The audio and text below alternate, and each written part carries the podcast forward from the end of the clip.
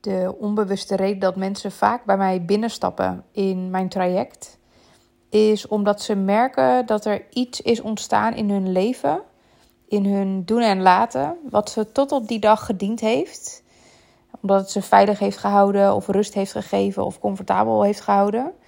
Maar wat ze nu vooral heel veel kost. En je zult ook merken dat zodra je bij mij instapt, dat de eerste sessie of de eerste sessies vaak daarover gaan. Niet omdat ik op de agenda zet. Uh, sessie 1. We gaan terug naar je basis. Want zo werk ik niet. Ik werk altijd intuïtief. Maar je zal altijd merken dat datgene wat bij jou ondergesneeuwd geraakt is in jou. Dus misschien je vermogen om te voelen.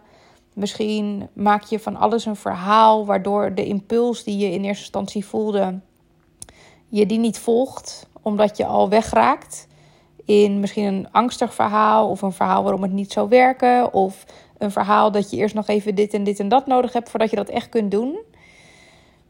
Vaak gaan we daar eerst op in. En je zult ook merken dat dat verhaal je ergens heeft gediend.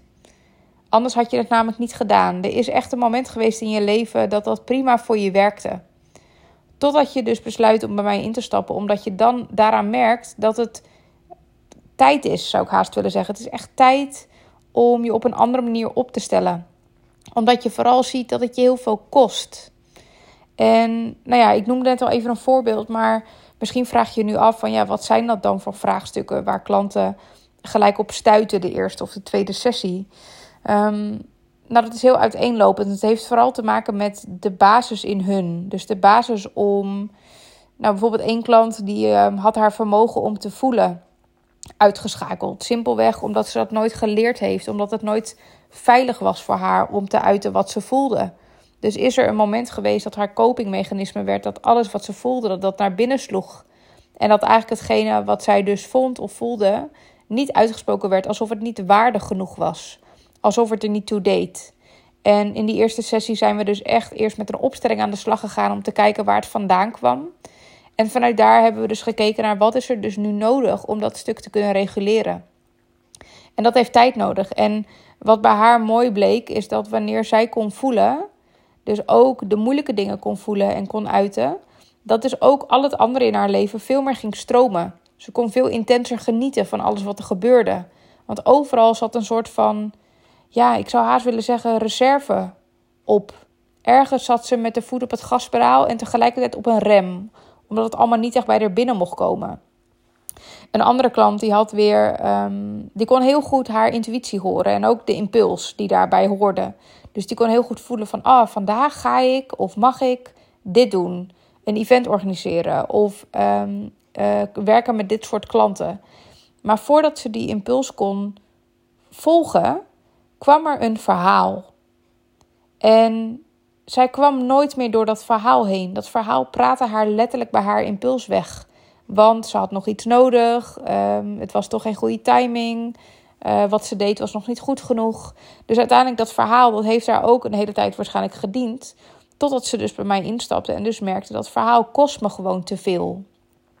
En misschien ook interessant om te noemen dat de mensen die bij mij instappen niet bewust instappen hè, met nou ik uh, ben helemaal klaar met mijn verhaal. Het wordt tijd dat ik bij Babette instap. Sterker nog, um, tien van de tien vrouwen, mannen die instappen, die hebben geen idee. Die hebben geen idee dat dat het verhaal is wat ze vasthoudt, wat ze in hun eigen greep houdt en dat ze dat zelf aan het doen zijn. En dat is precies hetgene waar we dus achter komen op het moment dat wij starten, omdat we teruggaan naar je basis. Als we teruggaan naar je basis, dan komen we er namelijk achter wat er nog in jou zit, wat je ergens afschaduwt, wat je ergens nog niet genoeg ruimte geeft. En kom je er dus ook achter waar jouw goud ligt. Want heel vaak gaan die dingen hand in hand met elkaar. Vaak is hetgene wat je afgesloten hebt, daar zit ook een ontzettende kracht in, zodra dat vrijkomt. Um, een mooie metafoor is uh, vaak als ik invoel op klanten, als ik met ze in sessies zit, dan kan ik gewoon letterlijk voelen wanneer we tegen een dam aan het werken zijn. Dus dan heb je zo'n soort, nou haast een soort schotje waar het water eigenlijk doorheen wil stromen, want er komt een ontzettende kracht. Maar dat schotje zit naar beneden, dus het water kan er niet doorheen. En wat je vaak ziet is op het moment dat jij dus in contact kunt treden met datgene wat je hebt afgesloten in jezelf, omdat het niet kon of mocht in je gezin van herkomst. Of omdat er ooit een situatie is geweest in je leven, in je werk, waar dat gewoon niet handig was als je dat deed. Of uh, je te aanwezig was, of noem het maar op. Dan komt daar dus een schotje voor dat water.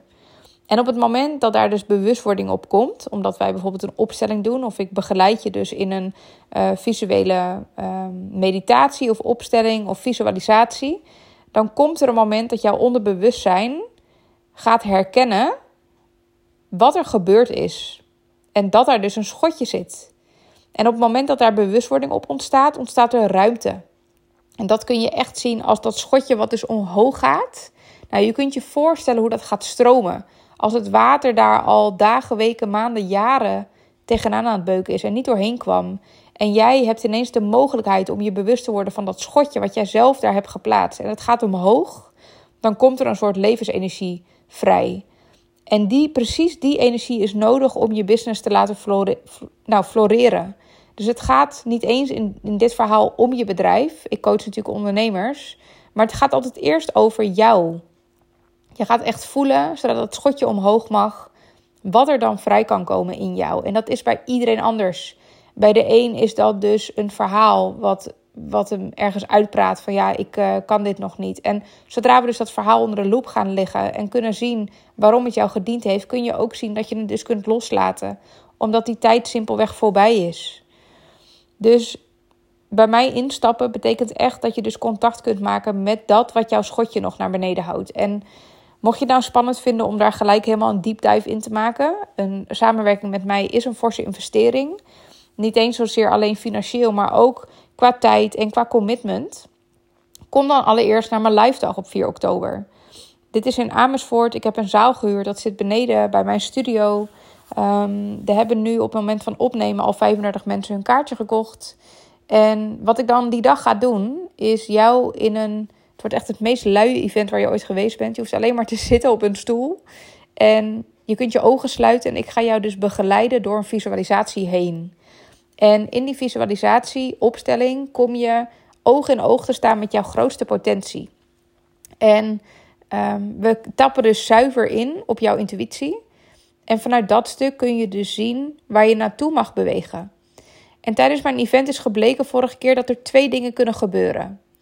Ongeveer de ene helft van de zaal die ziet precies wat de bedoeling is. Dus die zien precies hun grootste potentie. Die staan oog in oog met de volgende stap die ze te zetten hebben. Die hebben ineens helderheid en inzicht gekregen. Dat is de ene helft van de zaal.